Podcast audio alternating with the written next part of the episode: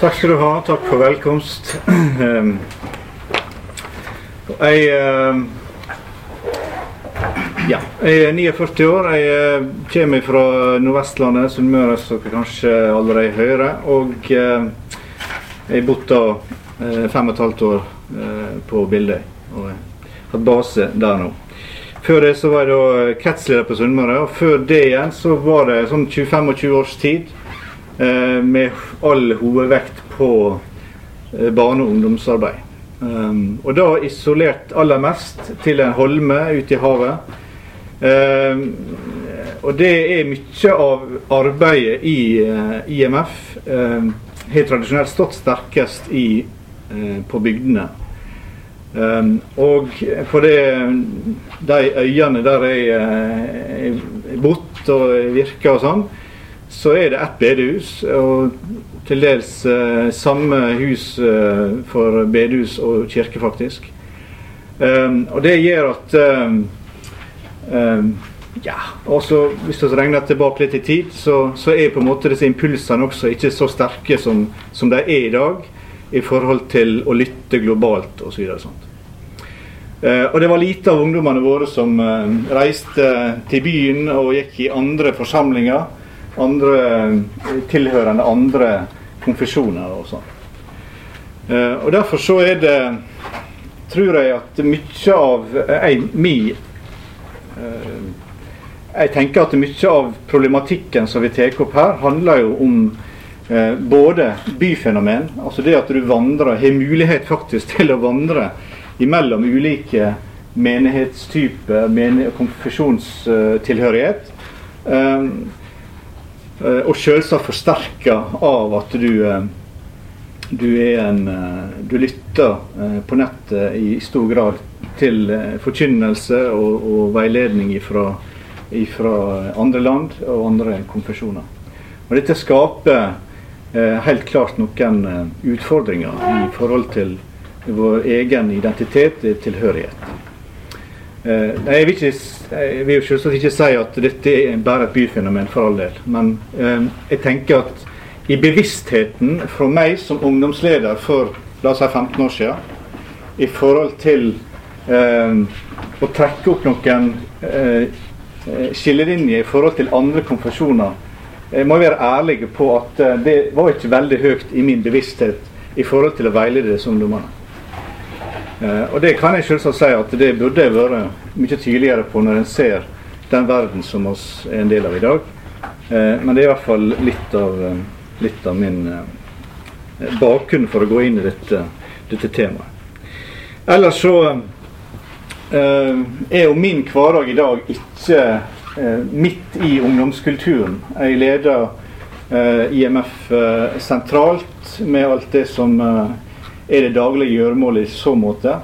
Men jeg, jeg prøver å møte opp og være til stede på unglandsmøte hvert år. Og, og eh, ellers snakker jeg en del med ungdommene, selvsagt, i, i vår egen sammenheng, og, og har ungdommer sjøl. Så ja, da vet dere litt mer referanserammen. Ellers så har jeg ikke noen stikkord på skjermen, noe sånt, men det som var nevnt litt her, er også mine stikkord. Økumenisk samarbeid, konfesjonsbevissthet, møte for menneskesyn, og hva er kirkens eller forsamlingenes hovedproblem i dag, helt kort til slutt. Først litt sånn generelt om økumenikk. Synet på det er jo i den evangelikale leir har endra seg mye eh, de senere åra. For noen tiår siden så ble studenter ved bibelskolen vår, som da i sin tid lå i Sesundsgata her i Bergen, og nå ligger på bildet, Eh, men når foreldregenerasjonen min forteller, så, så ble de sterkt fraråda sterkt fraråda av lærerne mot å gå i pinseforsamling eh, i byen osv. Så, sånn. Eh, så det, var, det forteller de. sant? Og i flere av bedehuslovene rundt omkring så står det tydelig at pinsevenner eller dissentere ikke skal ha tilgang til bruk av huset. Fins det klokke her? Det må jeg ha styr på sjøl. Nei, men jeg kan slå på en her sjøl. Det er bare for at OK. Ja. Den så litt rett ut. Takk skal du ha. I dag ser det. Um, og um, den karismatiske vekkelsen fra rundt 1970 og utover der har endra mye, selv om jeg sjøl vil være veldig kritisk til benevnelsen. For uten karismatikk så hadde jo kirka vært død i 2000 år. For karisma, eller nådegave, er jo forutsetningen for at Kristi legemes hele tatt skal være i funksjon. At eh, nådegavene er i funksjon. Og vår egen bevegelse um, kaller seg sjøl, har en sjølforståelse som nettopp er nådegavebevegelse. Mer enn en veldig embetstung eh, bevegelse. Eh, jeg er også kritisk til en forståelse av at det stort sett er bare talerstolen sin nådegave som var akseptert tidligere i våre sammenhenger. Og Med den innsikt som jeg har fått og tilegna meg, så var både helbredelsesgave, og trosgave og kunnskapsord, gave til å hjelpe osv. Eh, var i funksjon i bedehusforsamlingene og blant lederne. Eh, I forhold til den karismatiske vek vekkelse så, så um, tror jeg kan si at eh, synet på åndsdåp som en senere erfaring, altså second blessing, eh, kan jeg heller ikke se har særlig gjennomslags eh, gjennomslag eh, inn i våre sammenhenger. Derfor kan ikke jeg se det. Men andre karismatiske eh, uttrykk og gaver, som f.eks. tungetale, bilde, direkte profetiske budskap osv., ble alminneliggjort utover 70- og 80-tallet. Og Det er ikke tvil om at oasebevegelsen har betydd mye for mange kristne, også i, i Bedehus-Norge. Og Jeg tror også det har vært en forenkla forståelse i den lutherske leir eh, av hvilken plass de nevnte gavene har hatt i mange av, av pinseforsamlinger f.eks. Og ser også eksempel på dette, dette får mindre plass i de åpne menighetsmøtene i, i vår tid. Lusann-bevegelsen, eh, også fra begynnelsen av 70-tallet, eller 74 var det vel, med Billy Graham John Stott i spissen, har samla evangelikale fra ulike kirkesamfunn til felles målsettinger om evangelisering og misjon på kloden vår. Eh, våre nordiske indremisjonsbevegelser, for det er å se en ganske godt og tett samarbeid eh, i Norden, eh, hadde på 80-tallet en god del kontakt med med lignende lutherske bevegelser bak jernteppet. Og Det ble ytra ønske om undervisning og veiledning fra våre organisasjoner og ledere. Men det jeg ser eh, de siste åra likevel at det blir mer nærliggende for, for bevegelsene i Øst-Europa til å søke støtte og gjensidig påvirkning hos andre evangelikale.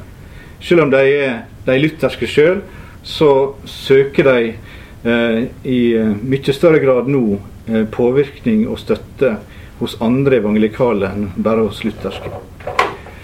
European Leadership Forum er et, et forum som samler ganske mange hundre. Eh, og det er innenfor Lusann-bevegelsen, eller den, den, settingen der. Det er et viktig eksempel på viktige møtepunkt der ledere fra store deler av Europa kommer sammen i en evangelikal sammenheng. Et annet fokus, kanskje spesielt eh, ja, eh, generelt også, men, men, ikke minst i Norge, er menighetsplanting. Um, og Dawn, altså 'Discipling a Whole Nation', eh, er blitt et felles møtepunkt for mange uh, av oss til inspirasjon og fokus på det å plante, eller replante, nye forsamlinger i landet vårt. Eh, og en del går også videre utover i Europa med dette fokuset. Og Jeg henter fra nettsiden til Da Norge. Det er et tjenende nettverk av mennesker som erkjenner at når vi står sammen som Kristi legeme, har vi muligheten til å se nasjonen fylt med levende celler grupper og menigheter av troende inn i alle geografiske områder, etniske og kulturelle grupper. Dån arbeider side ved side med ledere og menighetsplantere fra ulike kirkesamfunn og organisasjoner. Vi ønsker å skape møteplasser for gjensidig læring, gi visjon og trening for å fullføre oppdraget. Og eh, Dån eh, har vokst seg sterkere og sterkere de siste åra. I, I fjor, i mars, så, så var rundt 800 eh, deltakere på Sent-konferansen i, i, Oslo. Fra vår organisasjon så var over 100 eh, med. Um, og fra å være en, en, en, en no, noe som har stått sterkt i, i frikirkesamfunnet, så har bedehusorganisasjonene kommet sterkere inn i dette. Og det, det å stå sammen i slike ting, det vil være en løgn, tenker jeg, å si at slike forum som jeg nå har gitt eksempel på, ikke påvirker relasjonene oss imellom, og måten som vi omtaler hverandre på. Altså det å komme sammen og, og, og be, og høre undervisning fra ulike hold, det å utveksle erfaringer, få innsikt i andres historie, det å høre hva Gud gjør i ulike menigheter med ulike bakgrunner og konfesjoner, det Gud gjør i ulike forsamlinger, alt med den hensikt at det flere skal få møte Jesus Kristus og bli disippelgjort av Han. Altså Det er klart at det gjør noe med oss. Det er klart det gjør noe med oss. Det bryter ned noen tanker om andre som oss har hatt bygd opp i oss sjøl, eller som oss har fått ifra andre og arva ifra fedrene og mødrene. Og møtes for å, ikke minst for å velsigne hverandre. Og Når vi ser Norges kart under ett, og ser hvor lite forsamlingsarbeid, organisasjoner og kirkesamfunn utenom Den norske kirke har i store deler av landet vårt, så vil jeg også glede meg over å se plasser der ikke-lutherske eh, lutherske forsamlinger faktisk har et arbeid. Um, og det er og, og jeg, jeg, merker det at dette fokuset her, det engasjerer ungdom i veldig stor grad. Um, og det er lett å engasjere ungdom til å være med på det fokuset der. Og uh, og, og, eh, og støtte sånt arbeid. Vi kommer ikke utenom at liberalisering av den store delen av norske kirke gjør noe med forståelsen av hele kirkesituasjonen i landet. Om våre ungdommer finner en frimenighet som viser truskap imot Guds ord, og forkynnelsen lyder til vekkelse og omvendelse, ja, så vil jeg glede meg over det når alternativet er liberal teologi. Og det er bibeloppløsende teologi. Og så er et lite land, og, er, og det skjer noe når vi stender sammen tett som, som, kristne på, på Guds ord eh, og i et misjonalt fokus. Så det var mine tanker litt om økumenikk i dag. Og hva slags møtepunkter det er, og hva det gjør med oss. Og jeg opplever at det skjer eh, ganske mye akkurat på det som jeg nå har sagt. Eh, I forhold til å stå sammen eh, i det misjonale perspektivet. Når det gjelder konfesjonsbevissthet, så han tror jeg for mange ungdommer så handler valg av menighet om faktorer som sosialt fellesskap. Om formidling som oppleves eh, tidsaktuell. Om kultur som eh, kommuniserer med egen kultur. Det handler om å bli sett, det handler om å bli inkludert. Det handler om å utfordres til radikalitet til å leve et disippelliv. Lojalitet til eh, det en er vokst opp med, som er litt en del av, gjerne fra heimen eller fra lokale samfunnet, spiller nok en rolle for en god del. Det tror jeg fortsatt.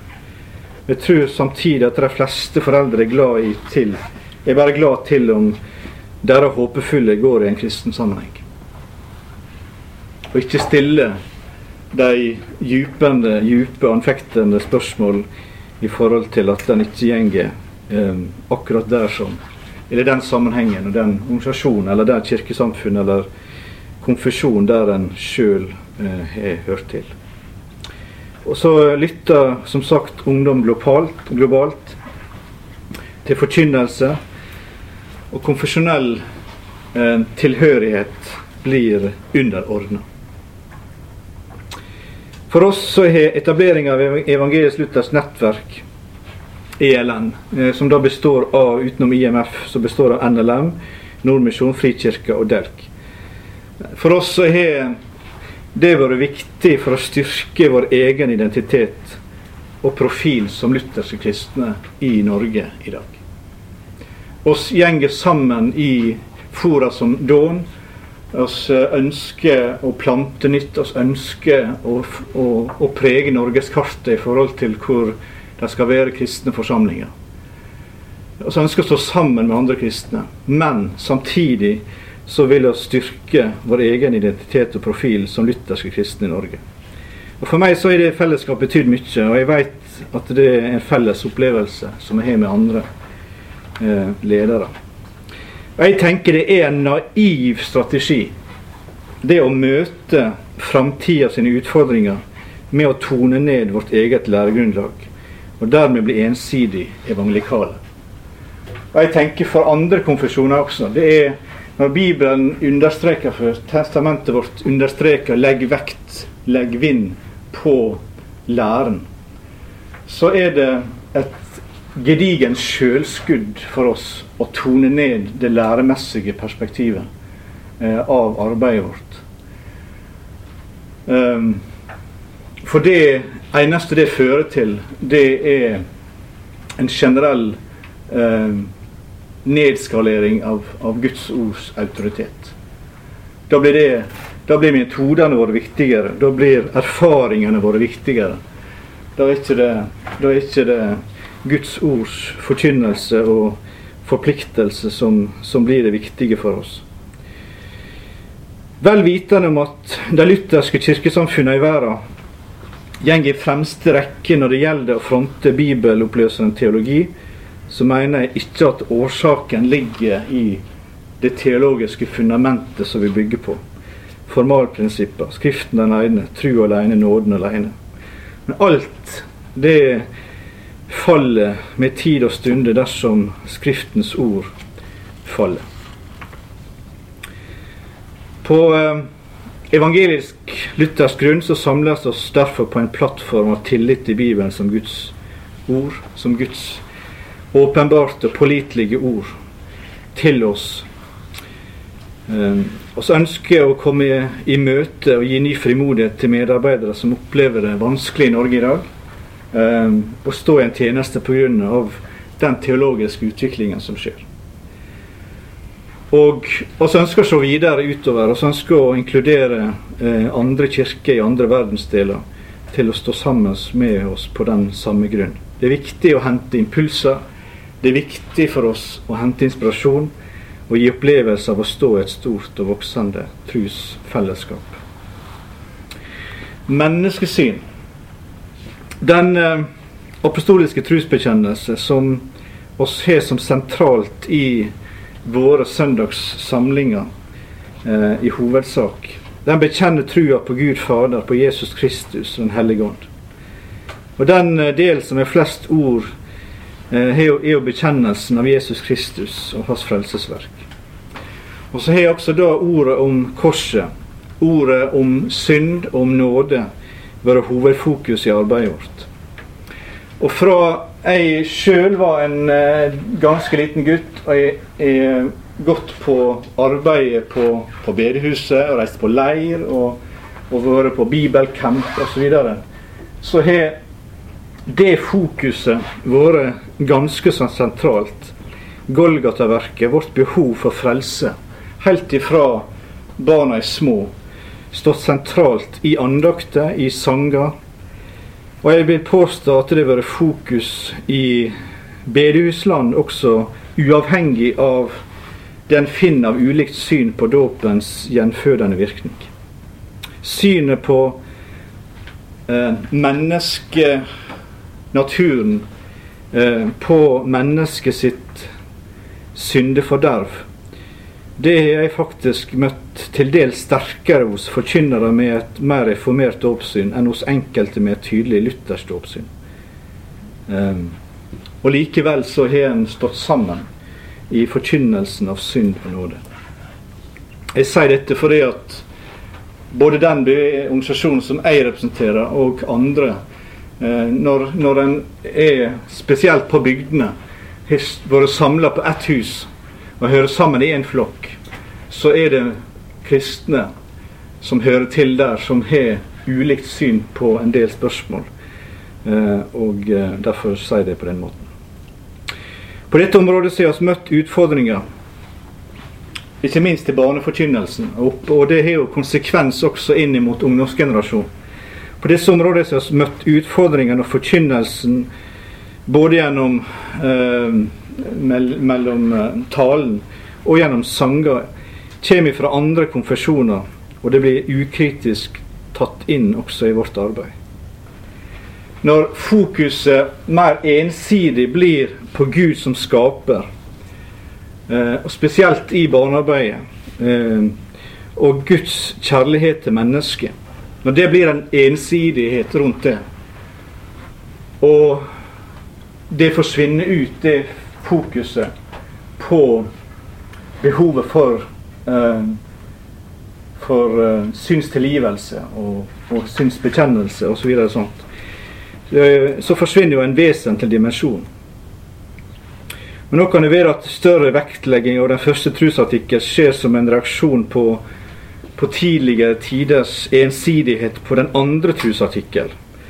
Med det følge som en del har opplevd eh, at det har hatt innvirkning på gudsbildet, som en opplever er blitt for eh, Det blir på en måte en motsetning mellom Gud og Jesus. Jesus er den, den gode, den snille, og Gud er, eh, er Det blir noe annet. Så skapes det på en måte en reaksjon, en motreaksjon, som gjør at den, en går over mer over i den første trosartikkelen og toner ned forkynnelsen av, av frelsesverket. Eh, og, og, og jeg, jeg, håper dere forstår det.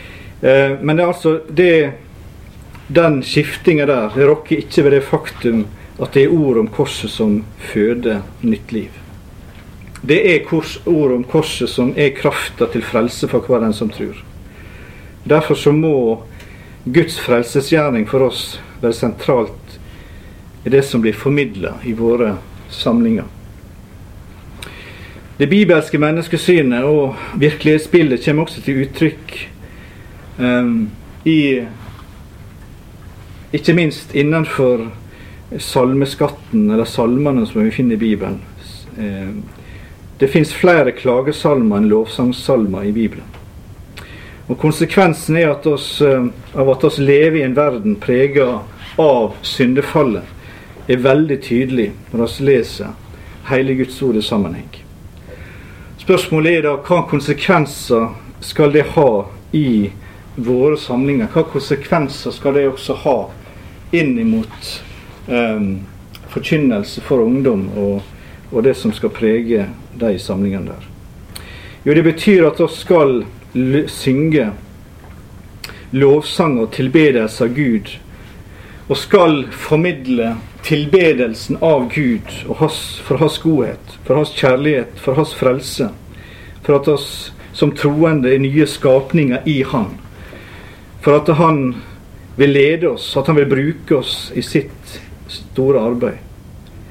Ofte, tenker jeg, så er oss, ikke minst voksne, prega, veldig prega av livet sitt uh, kjas og mas og deprimerende nyhetssendinger når de samles i det kristne fellesskapet. Og også ungdommene er, er veldig påvirka. Veldig på alle slags kanaler. Og eh, kommer inn i det kristne fellesskapet, i, i samlingene, med en, en, en, slags bagasje som er tung å bære på. Og Derfor så tenker i hvert fall jeg og så trenger å, å innstille antennen vår på den rette frekvensen når Guds ord blir formidla. Og her tenker jeg at jeg sjøl har masse å lære av den kristne ungdomsgenerasjonen. Da glir jeg over i møteform. Fordi at altså jeg er vant til å eh, klassifisere ikke minst salm, salmer og sang som god eller mindre god, som oppbyggelig eller mindre oppbyggelig, ut ifra den inneholder flest mulig bibelske sannheter. Eh, taler jeg mest fra min egen uh, bakgrunn. Jeg tror det er, gjelder for flere også. Det er iallfall min påstand. Kan en, eh, kan en, en, sang, kan en salme, dra oss ifra skapelse og syndefall, forsoning, vandringer i denne verden, og helst inn i himmelen, i én og samme sang, så, så er det gode saker. Eh, og la meg presisere jeg er veldig glad i innholdsrike og dype sanger og salmer. Men om det blir alt, så blir følgen lett at oss er kritiske til eh, sanger som eh, det tar lengre tid å synge enn å skrive, som blir, blir en ganske utvatna eller eh, eh, vits etter hvert. Eh, nyere type sanger som eh, oppleves som lettvinte. Men hvorfor skal det bli en motsetning, spør jeg, imellom det å synge en lang og innholdsrik salme og en ensidig sang som uttrykker hengivelse til Gud?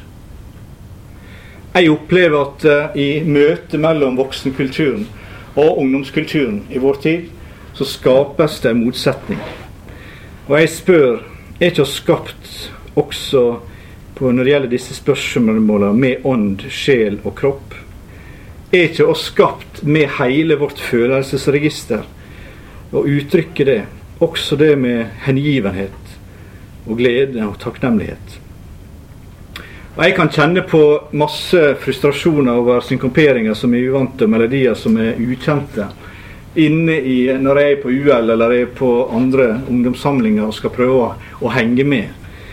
Og jeg er faktisk opptatt av at eh, alle eller flest mulig iallfall skal kjenne en viss gjenkjennelse når vi møtes. Det er ingen god opplevelse å være fremmedgjort i en kristen forsamling. Men jeg tenker det er jo nettopp det som ofte skjer. Eh, også for ungdommer. Når de ikke kjenner seg igjen i det som er, er velbrukt og, og eh, og gammelt, om vi skal bruke et sånt ord. Eh, er det slik at oss ønsker flere generasjoner i samme forsamling, er det nødt til å være en del kompromiss, tenker jeg. Og det kan umulig være noen dyd å bare bruke det som er, er velbrukt og velkjent fra gammelt av. Jeg forsvarer ikke dårlige og til dels ubibelske tekster, for all del. Men etter mitt syn så er det ofte et konsept som blir kritisert i ungdomssettingene i vår tid. De står jo der og synger de samme setningene opp igjen og opp igjen. Ikke at det nødvendigvis at det er usunnhet i tekstene, det som blir formidla, men uh, det er mer konseptet.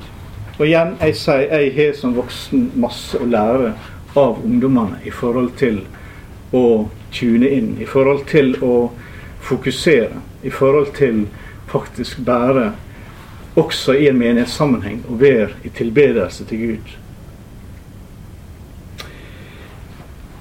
Men altså tenke oss at Gud er en stein uten følelser for det er oss uttrykket til Han? Nei. Selvsagt så gjør oss ikke det. Og Guds folks barnlige kjærlighet og bønn skal vi også uttrykke oppover.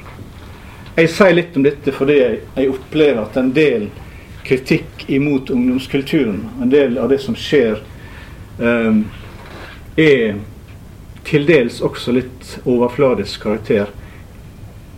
Og det handler ikke om innholdet i det som blir formidla, i det som blir, blir, uh, blir uh, uttrykt, men uh, mer om konseptet.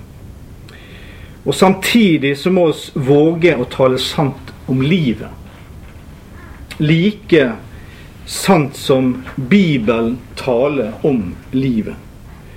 Det må være en balanse som gjenspeiler helheten i Bibelen sitt budskap.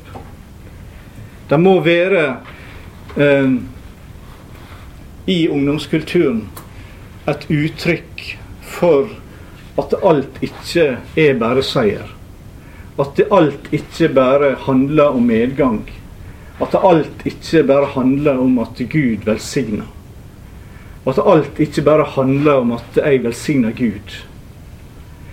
Men også møte disse dønn ærlige tekstene, vitnesbyrda fra mennesket i ensomhet, i, i uh, anfektelse, i tvil, i, uh, i sorg. Hele Bibelen er full av dem, av mennesker som er skuffa over Gud. Og jeg er Der er en side ved dette som som bekymrer meg egentlig aller mest i forhold til at vi uh, presenterer et, uh, en, uh, en, en uærlighet om hva det vil si også å være en kristen. Så er det at Jakob han minner oss om forholdet mellom å høre og gjøre. Og Ungdommer kan med rette være kritiske til voksengenerasjonens ensidighet i det å høre. Det er mange ting som kan sies om det, selvsagt. Men uh, opplevelsen av at uh, mange av voksengenerasjonen går på møte etter møte etter møte uten at det synliggjør et engasjement for uh, arbeid blant kristne eller ikke-kristne osv. sånt, det skaper på en måte ikke den tilliten som, og radikaliteten som mange ungdommer ser etter. Resultatet kan bli ei slagside i, som sagt, i for mye seier, for mye tru på egen styrke.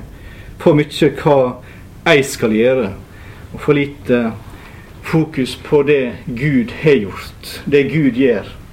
Og det den gode del som Maria valgte ved å sette seg ved Jesu føtter og bare lytte.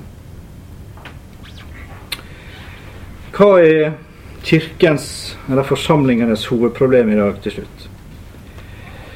I Markus 12 så står det om at noen skriftlærere kommer til Jesus og så spør de hva, hva båd er det første av alle. Og Jesus svarer, dette er det første av alle båda. Høyre Israel, Herren er vår Gud. Herren er rein. Du skal elske Herren i Gud av hele ditt hjerte, av hele ditt sjel, av alt ditt hvit og all din makt. Dette er det første bådet. Det andre som er like stort, er dette. Du skal elske nesten din som deg sjøl. Det fins ikke noe annet båd som er større enn disse. Hva er vårt hovedproblem? Det er ikke noe punkt der jeg ser forskjellen mellom mitt hjerte og Jesu hjerte, enn nettopp i kjærligheten til min neste. Jeg elsker mine nærmeste. Og jeg trenger ikke stå og hykle og si at jeg elsker deg slik jeg elsker deg meg sjøl.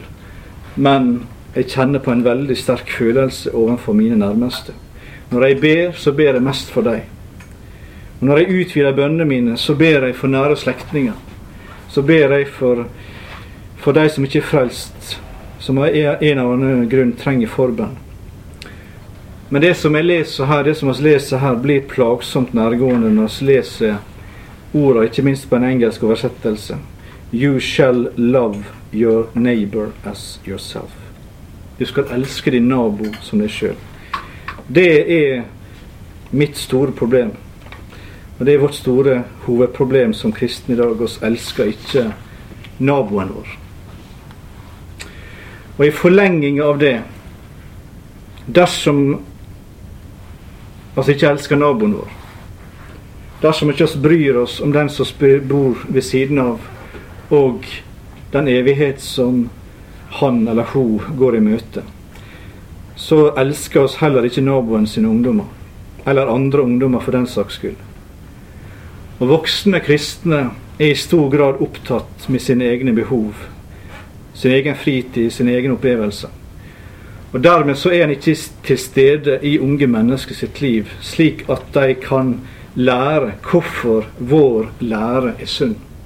Hvorfor den er verd å følge etter. Og Det er ikke rart at de er forvirra. Og de er konfesjonsløse. Takk.